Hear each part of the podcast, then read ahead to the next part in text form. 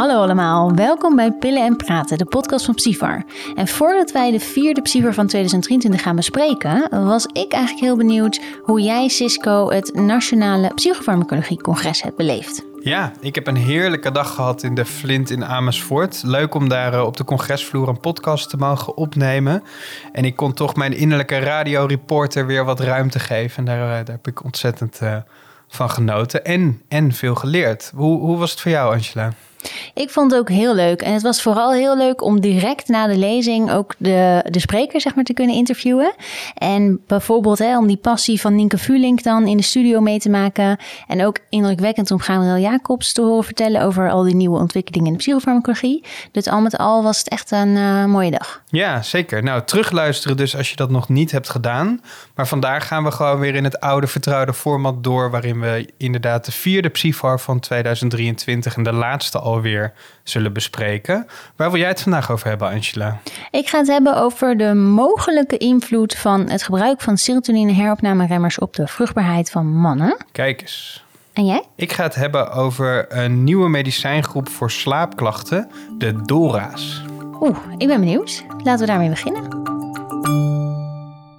Uh, Cisco, jij gaat het vandaag hebben over DORA's. En nu weet ik uit betrouwbare bron dat dit een soort slaapmedicatie is. Maar vertel. Ja, klopt. Nou, slaap is hot, kun je denk ik wel zeggen. Het valt mij op dat ik uh, online allerlei slaapinfluencers tegenkom... die ons stuk voor stuk duidelijk maken dat slaap toch wel het aller, allerbelangrijkste is in je leven. Zo las ik een paar jaar terug in een soort, van een soort corporate slaapcoach... die adviseerde dat je bijvoorbeeld net zo goed niet naar werk kon gaan... als je slecht had geslapen een nacht. Omdat je concentratie dusdanig slecht was dat je toch helemaal niet productief was. Oh, nou mooi. Ik weet niet of zij ook in de zorg wel eens advies geeft, maar dan zouden we het ziekenhuis wel kunnen opdoeken. Ja, ik denk slaaptekort en zorgen gaan helaas uh, samen. En ook als uh, ouder van jonge kinderen was mijn vraag, ja, hoe dan? Maar goed, de intentie is belangrijk, want een goede nachtrust is belangrijk, dat weten we. En het is goed dat we hier aandacht aan besteden, ook steeds meer in de GGZ, de psychiatrie. Dus daarom heb ik vandaag het artikel van Esra Piergon en Glenn Dumont gekozen om te bespreken. En ze hebben het over duale orexine-antagonisten. Daar zijn ze, ook wel bekend als DORA's. Een goede tombreker, die duale orexine-antagonisten. Eh, maar voor we daarin duiken, eh, hebben medicijnen überhaupt een plek in de behandeling van slaapklachten? Uh, ja, goede vraag. En natuurlijk ook een thema waar veel over te doen is en veel over te doen is geweest de afgelopen jaren. Maar laten we eens beginnen, voordat we het over de pillen gaan hebben, met de definitie van slaapproblemen.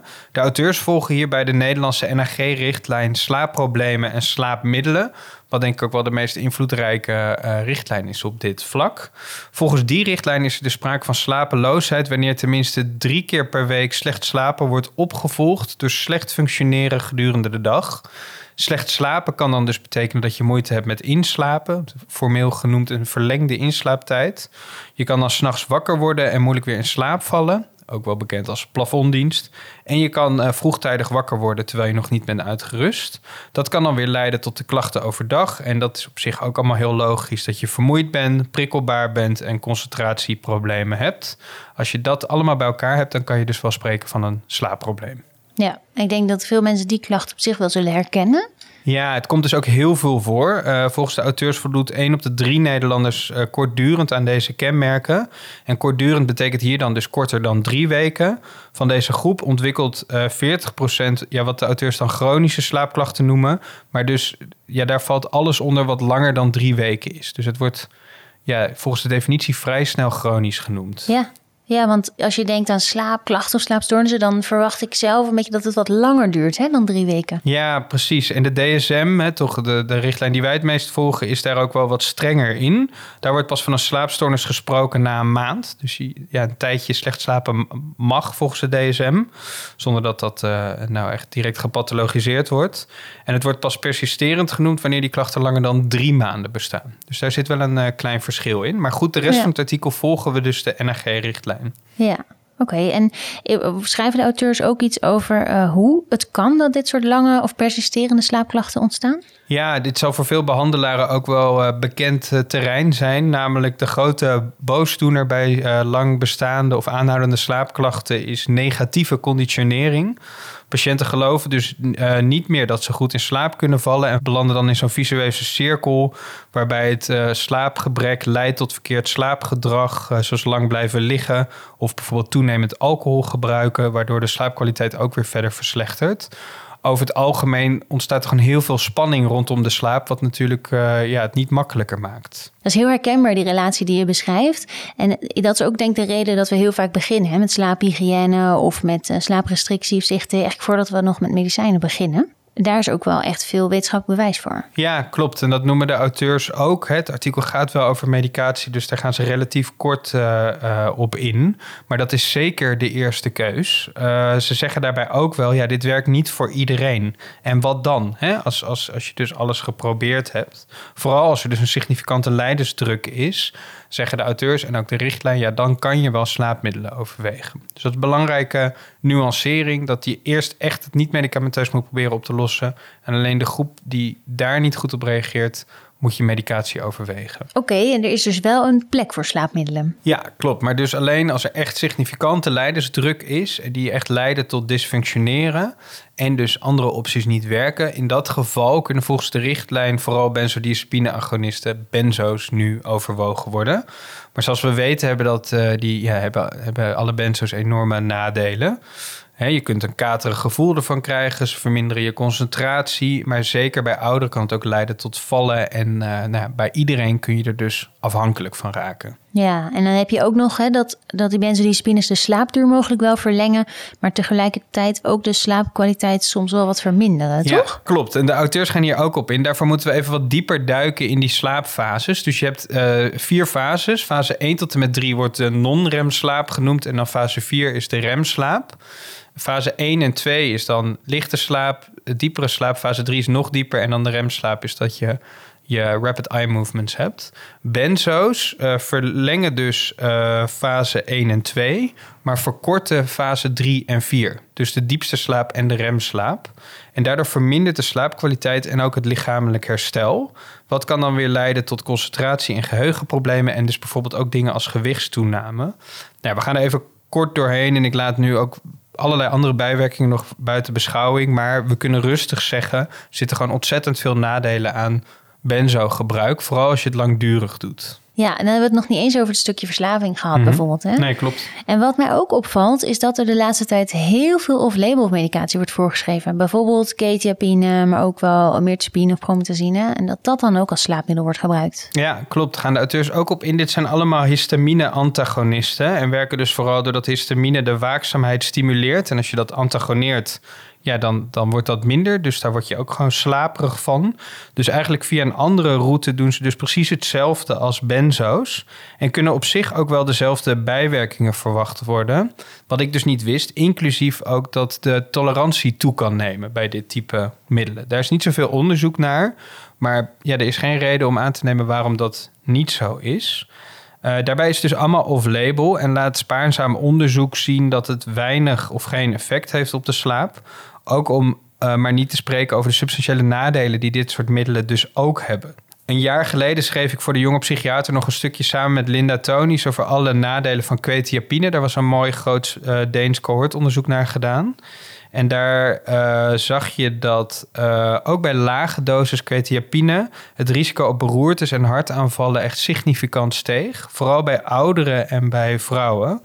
Dus de lange effecten van quetiapine, ook in lage doses van 25 milligram, kunnen gerust nogal desastreus genoemd worden. En, en ja, sinds ik dat artikel heb gelezen en er wat over heb geschreven, schrijf ik dat eigenlijk ook gewoon niet meer voor zelf. Ik, ik zal het artikel ook nog even in de show notes zetten, dat mensen daar ook. Uh, nog ja, naar kunnen kijken. mooi. Dan kunnen we daar ook nog even naar uh, lezen, inderdaad. Mhm. Maar ik, ik, herken het heel erg, want ik doe het, ben er dus ook mee gestopt. Ik schrijf het ook in principe niet meer voor voor slaapklachten. Nee. Uh, maar even samengevat. Mm -hmm. Dus de benzodiazepines, die hebben nadelen die we ook goed kennen. Maar de off-label medicatie, die histaminerge alternatieven, die hebben ook grote nadelen. Ja. Maar dan is er dus toch een groep mensen bij wie de slaapadviezen niet voldoende helpen. Wat moeten zij? Ja, nou, daar gaat dit artikel dus eigenlijk echt over. Want daarvoor is nu dus mogelijk een nieuwe optie.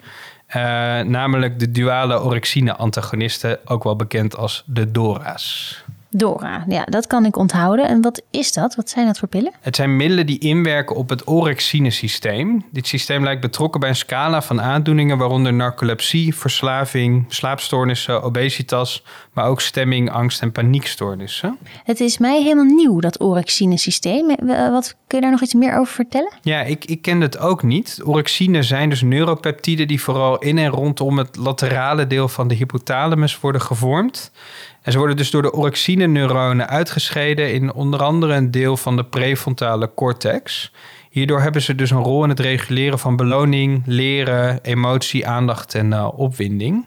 Het leidt indirect tot de afgifte van onder andere dopamine en noradrenaline, waardoor dus de alertheid toeneemt en de slaperigheid afneemt. Dit kan ook weer uh, leiden tot slaapproblemen, dus uh, ja, als je te alert bent. En bij verstoring in het orexine-systeem kan dus ongewone slaperigheid voorkomen, zoals bij narcolepsie. Daar, ehm, vooral type 1, daar, daar worden wel associaties gevonden met dus dit orexine-systeem. Orexine-receptor-antagonisten bevorderen de slaap dus doordat ze orexine remmen. En hiermee wordt ook de prikkel om wakker te worden of te blijven geremd. Dus dit is in tegenstelling tot de benzodiazepines, die gewoon eigenlijk een demper zijn van het volledige uh, centrale zenuwstelsel, is dit een wat specifiekere uh, ja, sedatief middel. Ja, nou, dat klinkt als een heel mooi alternatief inderdaad voor die benzo's. Ook goed mhm. te begrijpen.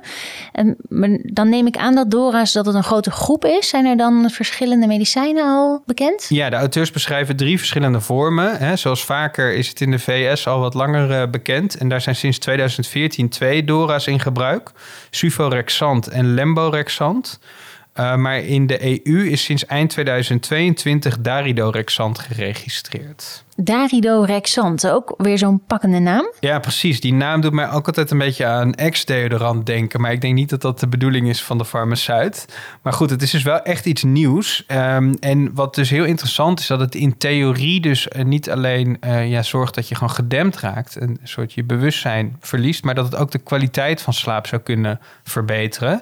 En daar is wel wat dieren experimenteel onderzoek. Dus let op, het is nooit bij mensen aangetoond laat wel zien dat de Dora's alle vier de slaapfase uh, de duur daarvan doen toenemen. Wat dus in theorie tot meer herstellende restauratieve slaap zou moeten kunnen leiden. Ja, dat is helemaal mooi in theorie. En wat voor effecten zien we bij de mensen die het gebruiken?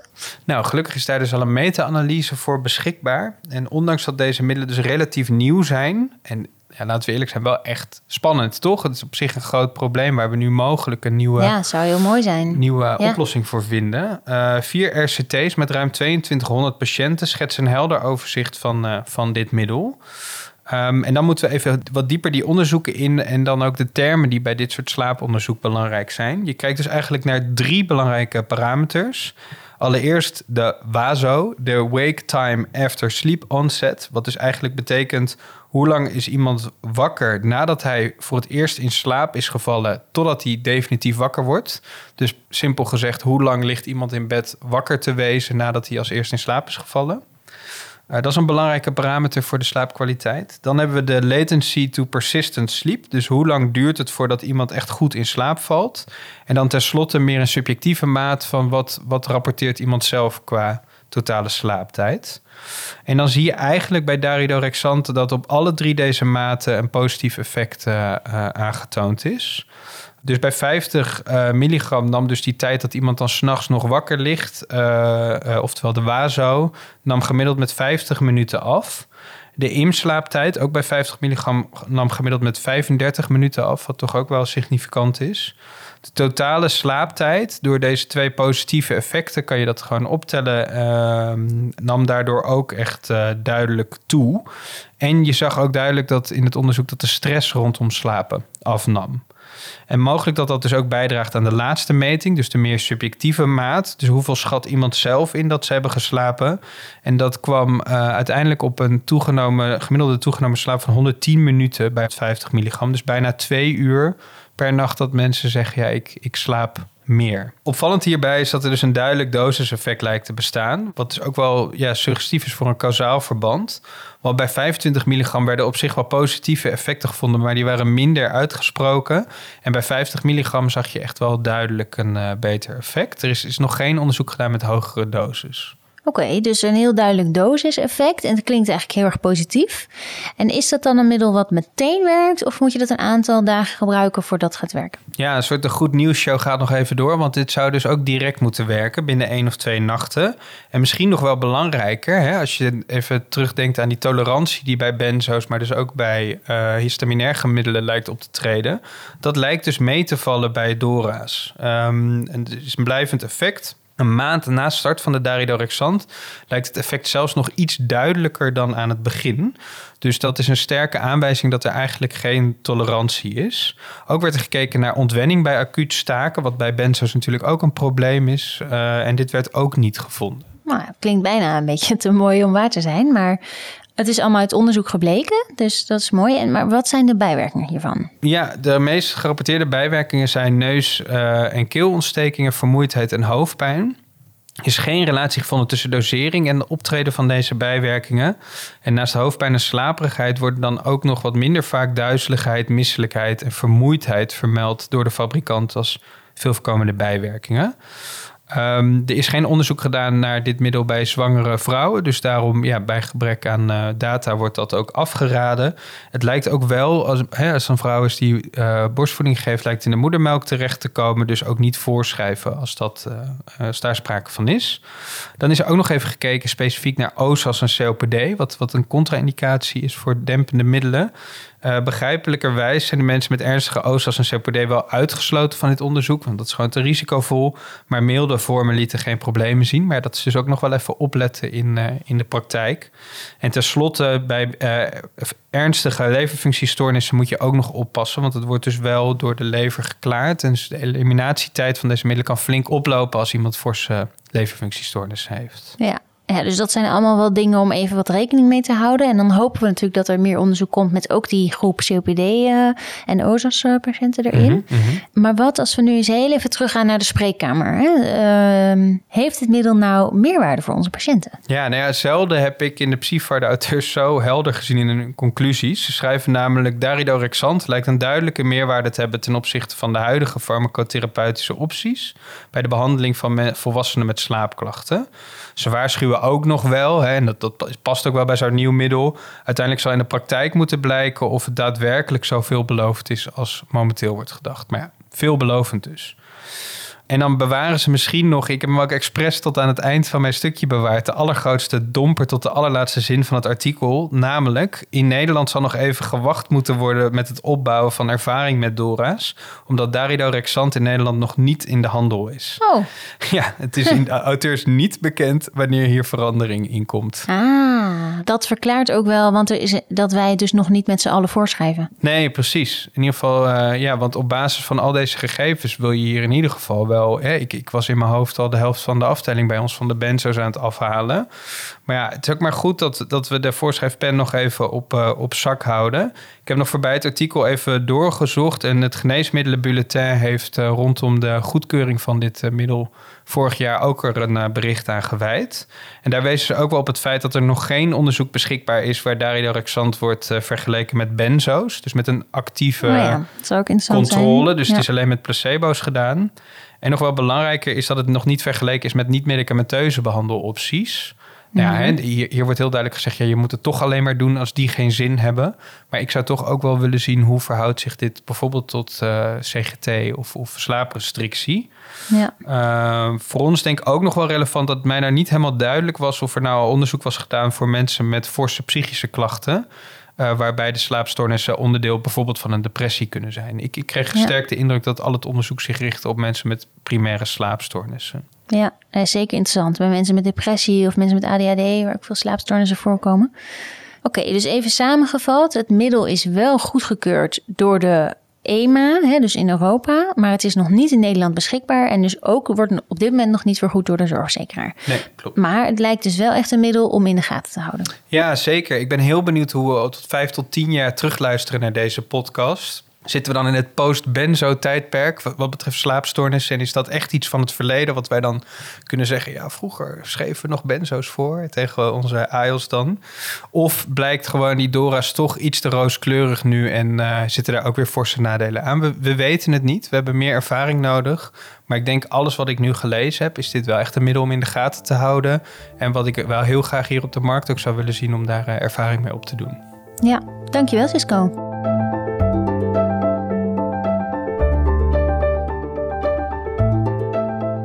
Angela, jij gaat het vandaag hebben over een wat onbesproken onderwerp in de psychiatrie, namelijk over vruchtbaarheid bij mannen en de potentiële invloed van SSRI's daarop. Ja, en het artikel is geschreven door Arne Risselade naar aanleiding van de vraag-antwoord rubriek van de Psyfor, waar we het eerder wel eens over hebben gehad. En daar kreeg hij namelijk geregeld vragen over dit onderwerp.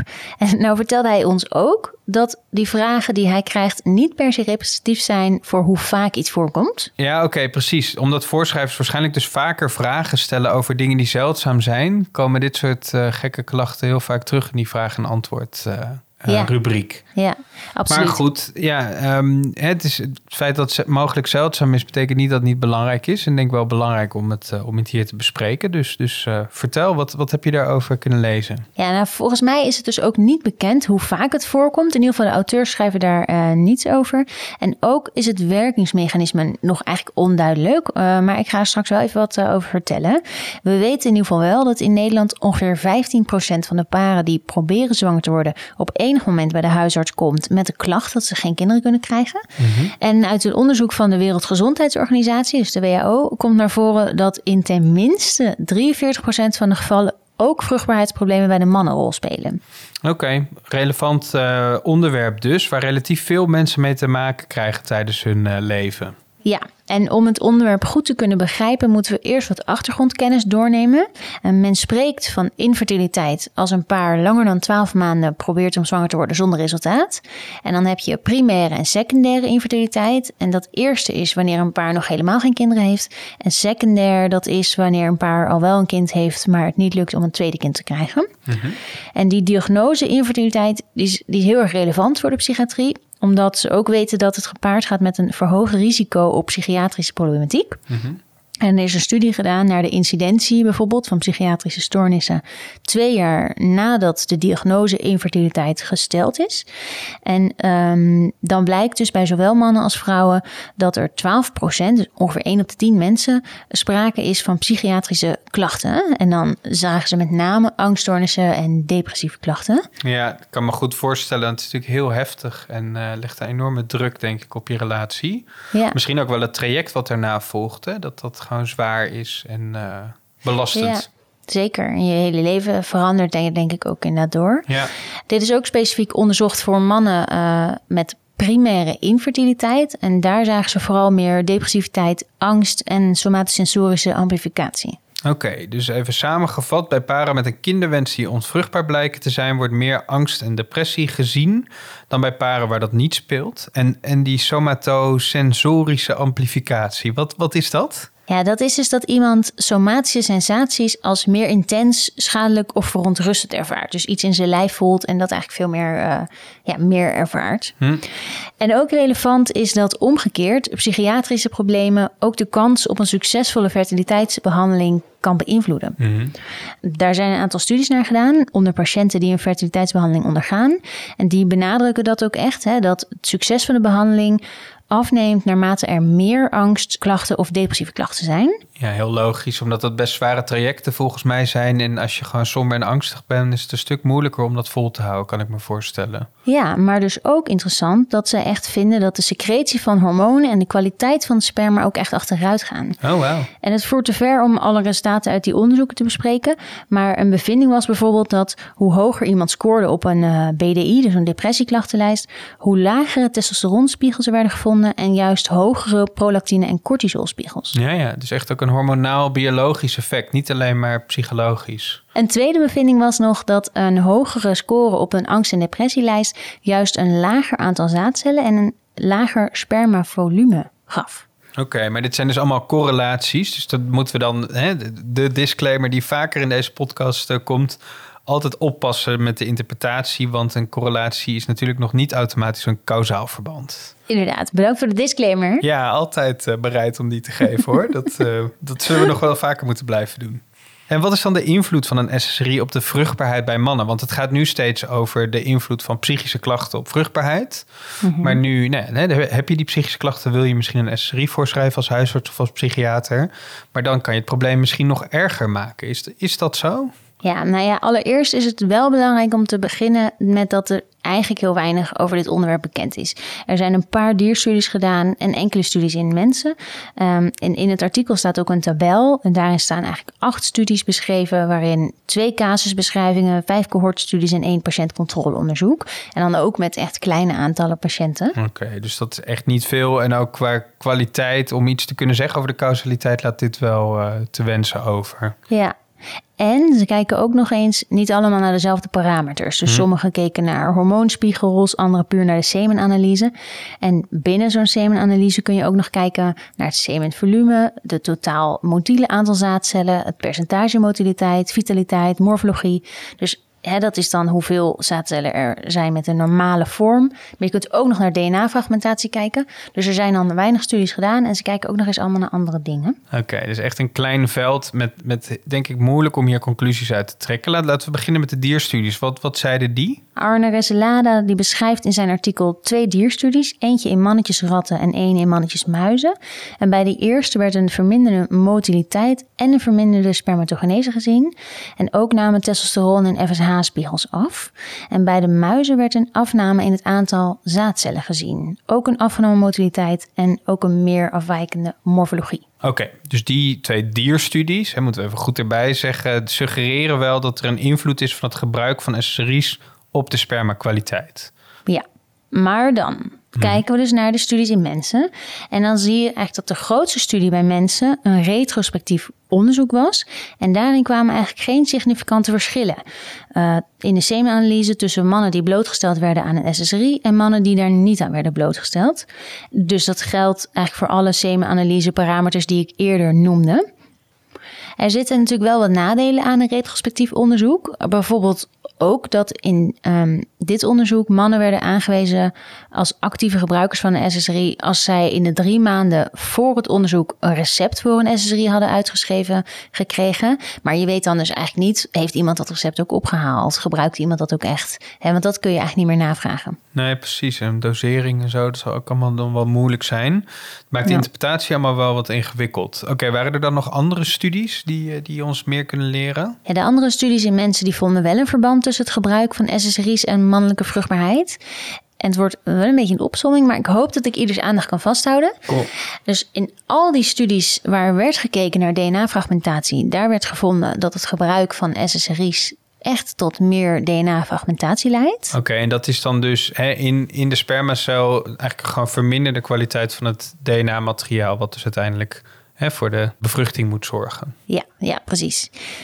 En een ander resultaat wat werd gevonden was dat, um, hè, dat was niet in alle studies gevonden, maar wel een groot deel, dat onder SSRI-gebruikers een afname werd gezien in spermaconcentratie, in motiliteit en in morfologie van de zaadcellen. Dus dat laatste is eigenlijk de bewegelijkheid en de morfologie is hoe ze eruit zien. Hè? Dus ja. of ze twee staarten hebben, twee koppen, een beetje, hè, zijn ze ja, goed? Of het gezonde cellen zijn. Precies. Ja, ja. En in geen van de studies werd een invloed gevonden op het uh, volume van het ejaculaat. Oké, okay, dus we zien wel invloed op een paar parameters die belangrijk zijn voor de vruchtbaarheid, maar dus niet op het volume van het ejaculaat. En dat komt dan dus uit voort uit acht studies, waarvan dus twee een case report zijn. Ja, en dan zijn er in slechts drie van die acht studies ook hormoonspiegels uh, bekeken. Dus bijvoorbeeld testosteron, estradiol, prolactine, LSH en FSH. En daar van die drie studies werd bij twee studies geen invloed van SSRI's op hormoonspiegels gevonden. En bij één studie wel een daling van het testosteron en het estradiol, maar dan bleven ze wel binnen de normaalwaarde. Mm -hmm. En ik vond zelf vooral de case reports echt een moeite waard om te lezen.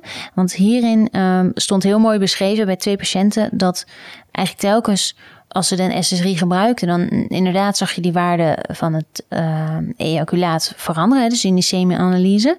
Maar dan wel één tot drie maanden na het stoppen van de SSRI normaliseerde die waarde zich ook weer volledig. Ja, ja. Ehm, bij de derde persoon duurde het iets langer, maar uiteindelijk normaliseerde daar de waarde ook. En ik denk dat dat wel een hele grote geruststelling is voor al die mannen die SSRI's gebruiken. Ja, dus het, het normaliseert weer, maar dit zijn echt NS1-trials. Dus als je dit zo benoemt. Dus Ja. dat, dat suggereert in ieder geval in, in deze opzet dan wel een kausaal verband, toch? Ja. Oké, prima. Nou ja, wel een belangrijk detail. eh, ook dat het dus wel weer goed komt als je stopt. Maar staat er verder nog iets over in het artikel? Nee, dat wordt helaas verder niet genoemd.